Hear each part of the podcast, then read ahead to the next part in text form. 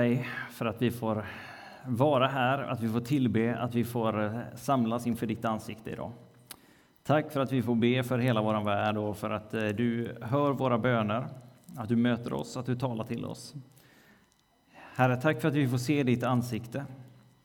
För att du är vår gode, gode Fader, att du älskar oss och att vi får älska dig över allting annat. Att du ger oss den gåvan. Vi ärar och prisar dig och ber att du drar oss ännu närmare dig idag. Att du visar oss vägen till eh, djupare kärlek, Herre. Till varandra och till dig. Kom nu, helig Ande, och öppna ditt ord för oss. Kom med uppenbarelse så att vi får se dig klarare. Vi får se ditt rike och din plan. Tack för att du har gett oss allt. Amen. Igår hade vi bönedag här, en eh, ekumenisk bönedag. Eh, så då fick vi samlas från hela stan här. Eh, vi var ett, inte ett jättestort gäng, men, eh, men ändå en skara som fick eh, komma samman. Och, eh, under förmiddagen så fick vi ha ett särskilt fokus på att bara vara inför, inför Gud och lova honom, eh, bara ja, komma inför hans ansikte och vara, vara stilla tillsammans och tillbe. Och så var det en, en man här som heter Magnus Axelsson som eh, ledde oss i tillbedjan. Och, och vid ett tillfälle så sa han att jag vill sjunga ut en profetisk sång för den här tiden Eh, och jag vet inte om han hade skrivit den själv eller om eh, det var någon annan som hade skrivit som han hade plockat upp. Eh, men han sjöng i alla fall, eh, och så sjöng han några gånger och så sa han att eh, om ni vill så eh, sjung med. Och det här var väldigt starkt tyckte jag. Han sjöng om att klockorna ringer. Klockorna ringer för en ny tid. Klockorna ringer av frihet, klockor ringer av förändring. Eh, och, och så vidare. Jag kommer inte ihåg exakt vad det, var, vad det var, men det var någonting av att klockorna ringer ut över, över landskapen, över människor. Att vi, vi får stämma in i himmelens ton av att nu är det någonting nytt. Nu är det en ny tid och när vi får sätta ord på det, att det är någonting som händer. Det är någonting som vi är med och ringer in. Vi står med i att proklamera det som är på gång. Det som, som Gud startar upp, det som han sätter i rörelse. Eh, I den atmosfären som var så, så fick vi vara med och göra det. Och jag tror att vi får göra det som församling, göra det tillsammans. Eh, säga ett ja till det som vi tror Gud vill göra. Och det, det, kan vara olika saker, men, men att det är någonting som är på gång. Det är något som Gud rör om, skakar om och som jag i mitt liv vill säga ja till. För mig, det är någonting som vi som församling får säga ja till. Det är något som vi som kristenhet får säga ja till. Att Gud, låt det ske det som du vill göra för den här tiden. Det är en ny tid.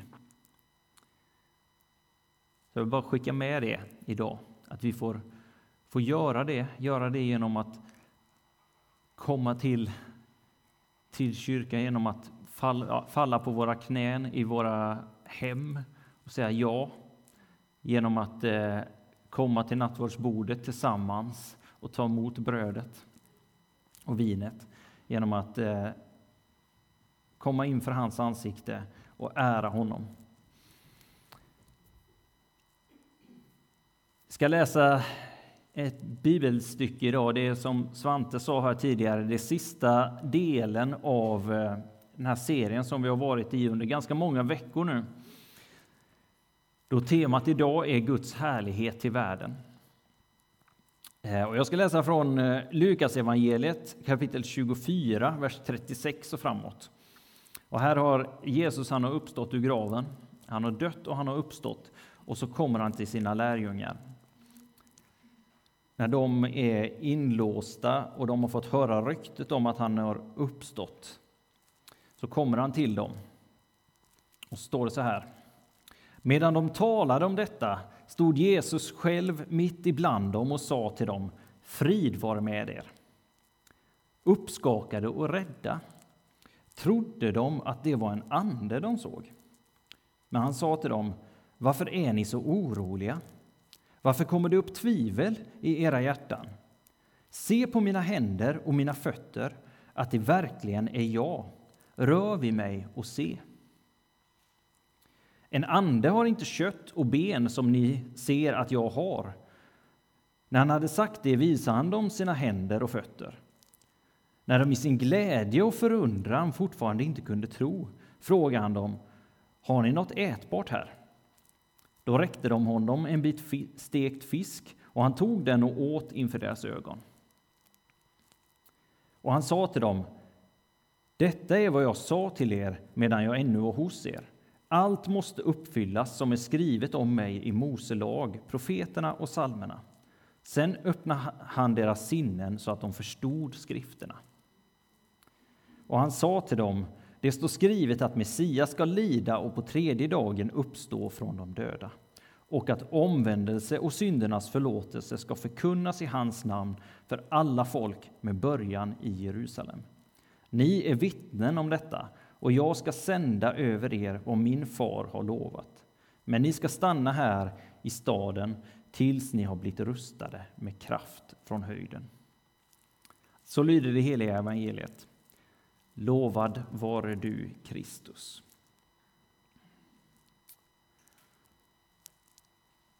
Och lärjungarna de är samlade, eh, som jag sa här, de är samlade i, i ett rum. De hör, de hör, vissa har fått, fått se och de har fått höra om att Jesus han är uppstånden. Ryktet går, de vet inte riktigt vad de ska tro.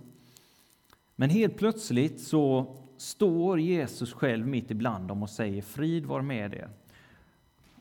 Och de vet inte riktigt hur de ska hantera det. De vet inte vad, vad de ska tänka eller tro. Men det står att de är uppskakade och rädda för att de tror att det är en ande som står där. De är bakom låsta dörrar och det kommer Jesus in mitt ibland dem. Och man kan förstå den rädslan.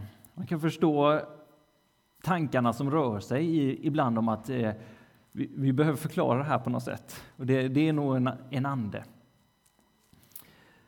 Men Jesus han han utmanar och säger varför är ni så oroliga? Varför kommer tvivel upp ibland er? Varför kan ni inte ta emot att jag som har talat om detta, skrifterna som har talat om detta, varför kan ni inte tro att jag står här ibland er? Att jag är här, ni som faktiskt ser mig. Och så, så möter han dem i det och säger, rör vid mig och se. Se på mina händer och fötter, att det verkligen är jag. En ande har inte kött och ben som ni ser att jag har. Kom till mig. Han bjuder in dem. Kom till mig och se att det här är jag. Att jag faktiskt har uppstått.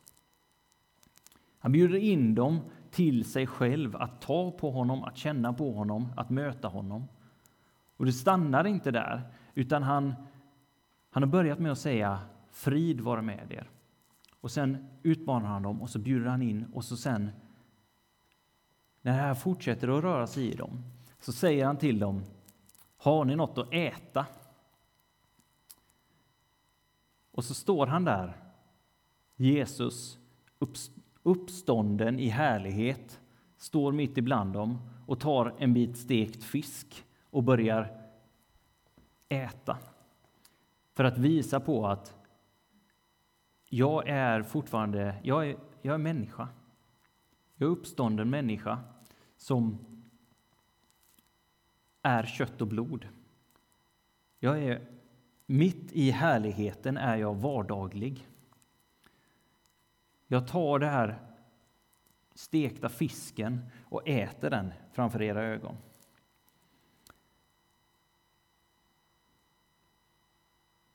När de i sin glädje inte kunde tro. De brottas mellan glädje, eufori eh, och samtidigt är det här omöjligt att ta in för dem. Och Jesus, han, som jag sagt här, han kommer och säger frid var med dig. Frid som Jesus kommer och talar in i den här situationen av eh, förvirring, hopplöshet, eh, eh rädsla. Så kommer Jesus och säger frid var med dig, frid, himlens ton, shalom, det som visar på vem Fadern är. Jesus har kommit för att uppenbara Fadern, för att visa himlen för, för jorden, för att radera ut det som binder, för att ta synden på sig själv, för att ta ofriden på sig själv. Och så, så, så säger han då, varför är ni så oroliga? Varför, varför räds ni? Varför bär ni inte friden? Varför kommer det upp tvivel i era hjärtan? Och frid, det har ni säkert hört, men frid är inte frånvaron av problem. Frid är inte frånvaron av bekymmer eller att vi, allt är perfekt runt omkring. Utan frid är närvaron av Jesus. Frid är närvaron av honom som har besegrat allt det andra. Han som har besegrat syndens makt och dödens makt. Och han säger, rör vid mig och se att jag faktiskt står här. Att jag är verklig. Jesus kliver in i vårt tvivel, i vår storm. Och han bjuder in oss att faktiskt få visa på den konkreta verkligheten för människor runt omkring oss.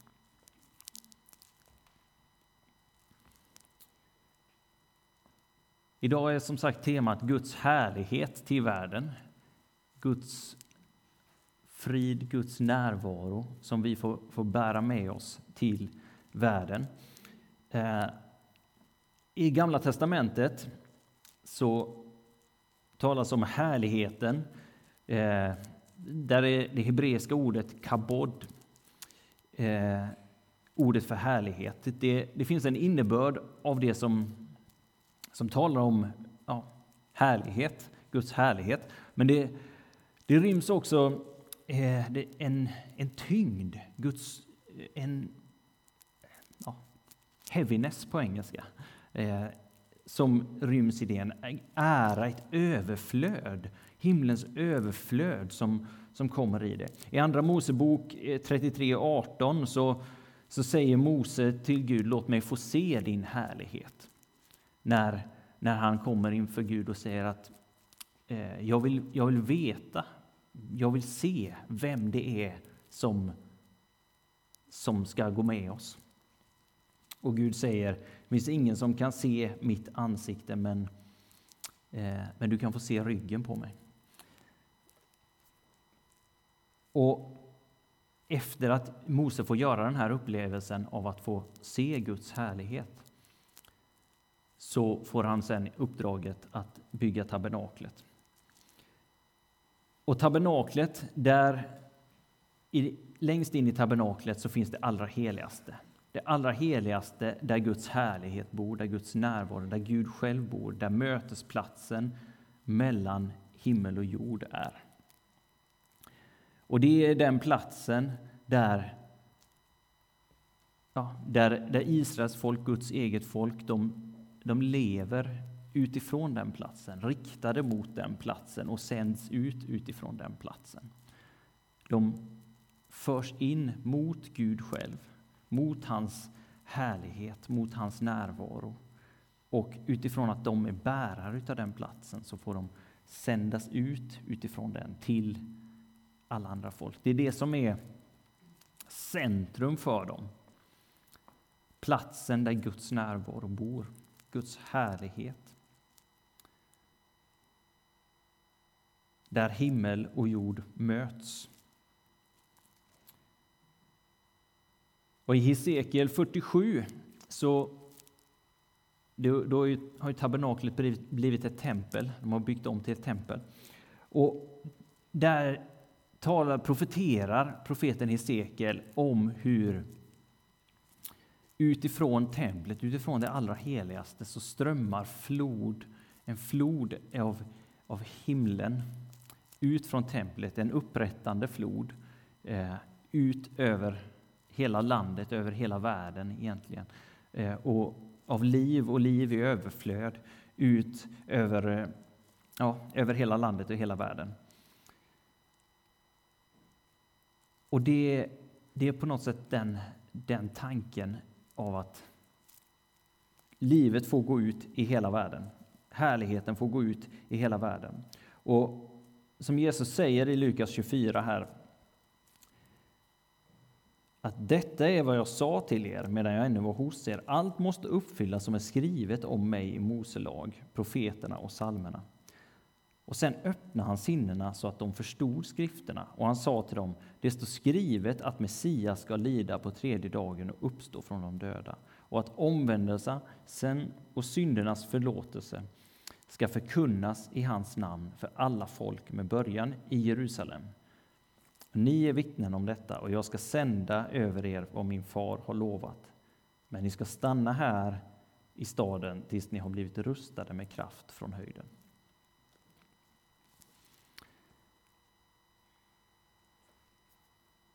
Och i Nya testamentet kan bli lite invecklat här, men jag hoppas att ni, ni kan hänga med. Eh, så är ordet för, för härlighet, det är doxa. Och det är ganska liknande betydelse som i, i Gamla testamentet, men det, det är betoningen på ära och majestät, Guds majestät, Guds eh, rikedom. Eh, ett tillstånd som tillhör Messias kungen, kungen av Davids släkt. Det perfekta tillståndet som Fadern representerar och som Kristus bär, Messias bär.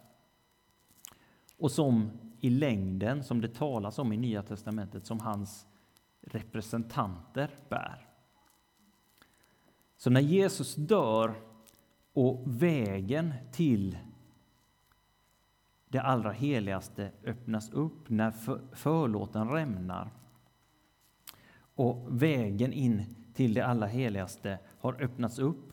Att Jesus själv, han säger att nu är det öppet. Härligheten är tillgänglig. Den, den bor, Jesus han visar på att jag är det nya templet. Och ni, min kropp, församlingen, är det nya templet i världen. Ni bär härligheten.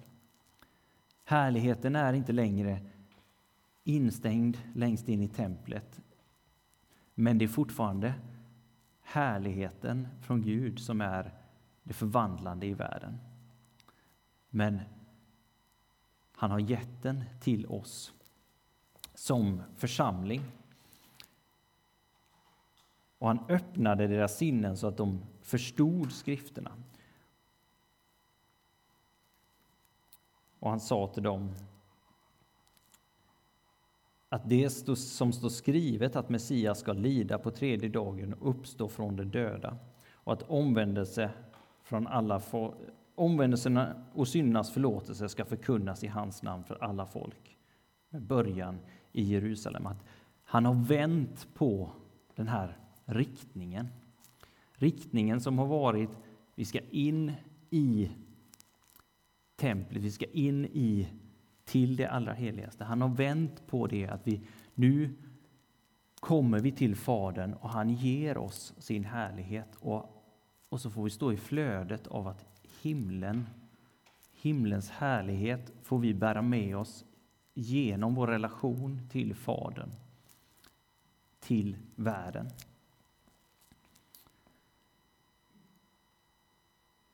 Och utifrån detta så, så vill jag bara komma tillbaka lite till, till det som vi börjar med. Att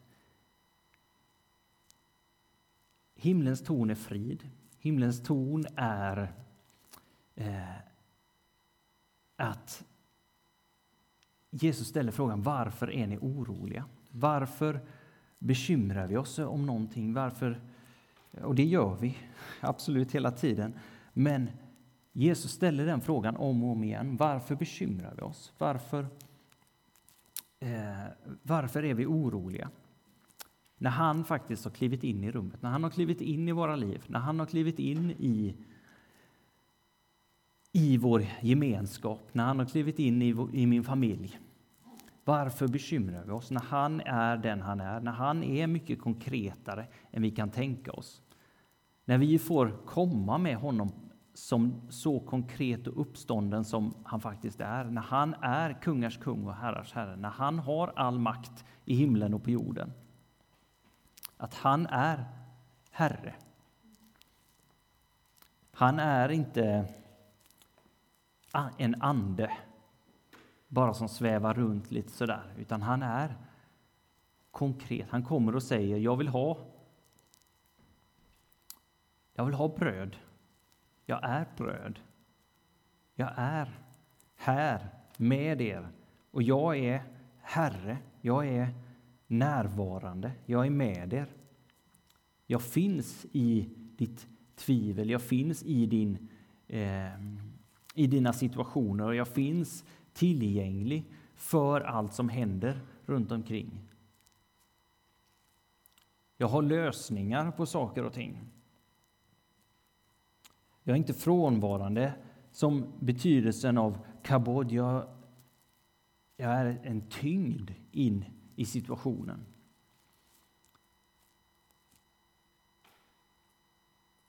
Jag är en majestät som kommer med perfektion.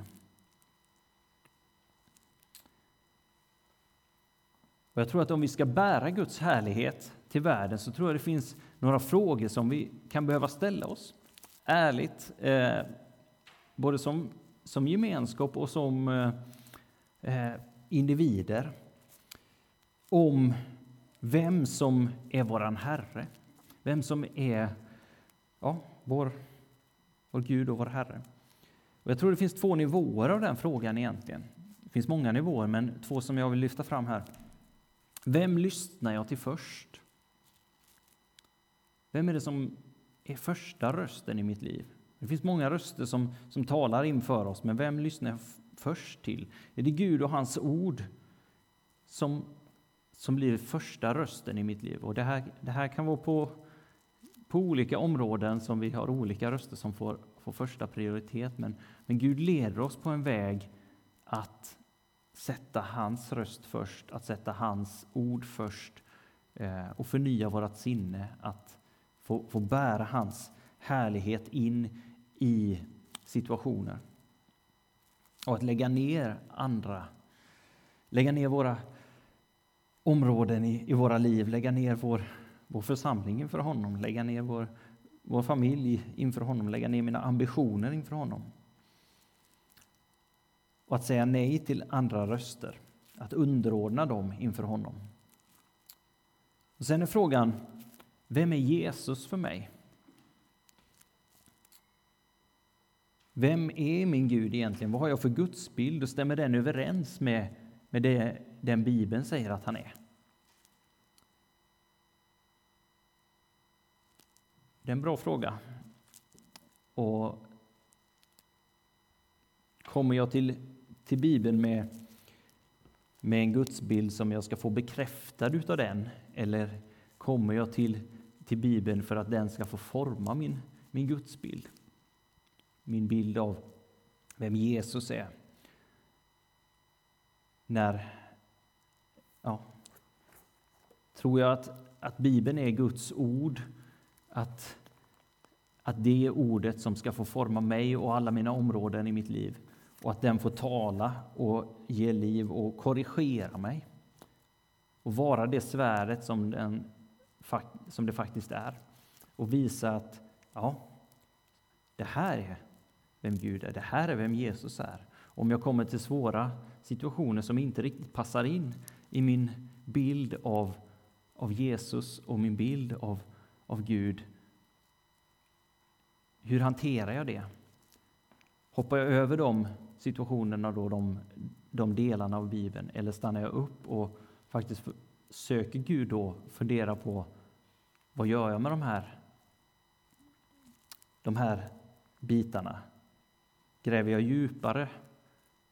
Eller lägger jag dem åt sidan och säger det kan nog inte vara rätt.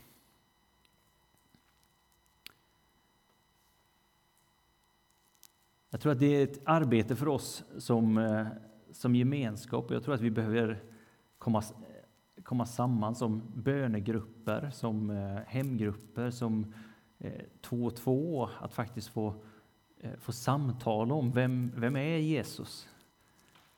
Vad har han på gång? Vad är det för klockor han ringer i vår tid? Och hur får vi gå med honom i att bära härligheten till världen? Att stå med i det nya som han gör. För att bära härligheten till världen är att stå för det som han står för, att representera honom, att visa på det som han vill visa på. Inte att visa på en Jesus som jag tycker verkar bra, utan att representera honom så gott jag kan utifrån vem han är.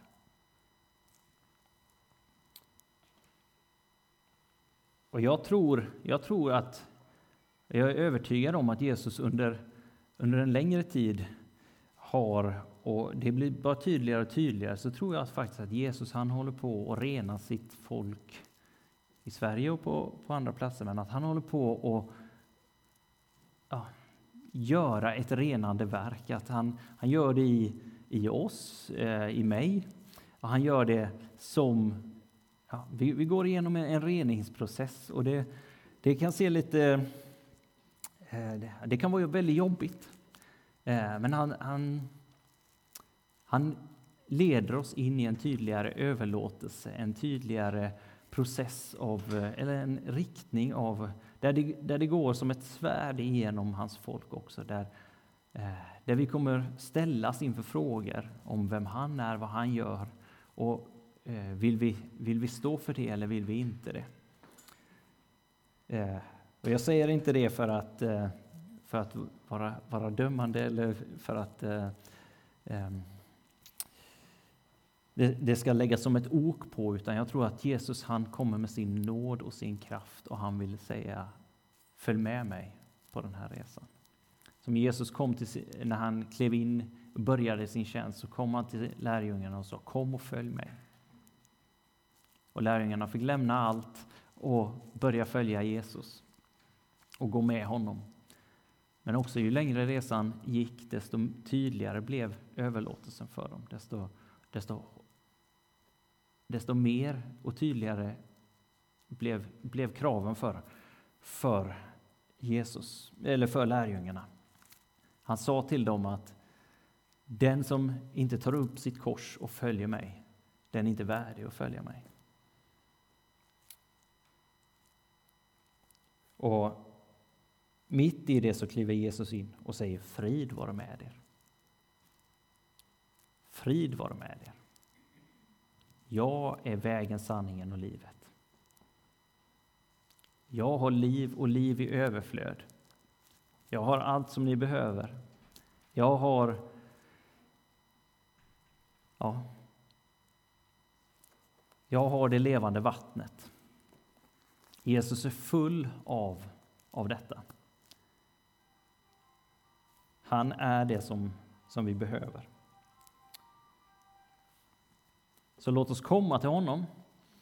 Låt oss vända oss till honom. Låt oss tro på honom. Låt oss lita på att det som han säger om vem han är och vad han har för våra liv, att det faktiskt är sant. Att han, att han inte ljuger. Och det tror vi nog inte. Men att han inte ja, att han inte sviker sitt ord när han lovar liv, när han lovar att ge oss eh, orden som vi behöver när vi kommer i situationer eh, inför människor, i, i sammanhang. Att han faktiskt förser. Att han, som han lovar lärjungarna, att de ska vänta på den helige Ande att få kraft från höjden, att han kommer ge kraft när vi väntar på honom. För han kommer ge oss kraft. Och Det kan se olika ut, men han kommer ge oss kraft. Han kommer ge sin härlighet och han kommer stå fast vid sitt ord. Så låt oss vända oss till honom. Låt oss vända oss till honom och be och bekänna, bekänna att vi många gånger har inte litat på honom, inte stått, eh, trott honom för hans ord. Och bekänna att, eh, att han är trofast. Att hans ord är fast, att han är Herre och kung. Du får bekänna precis det du vill, men eh, vi vänder oss till vår Herre och ber syndabekännelsen.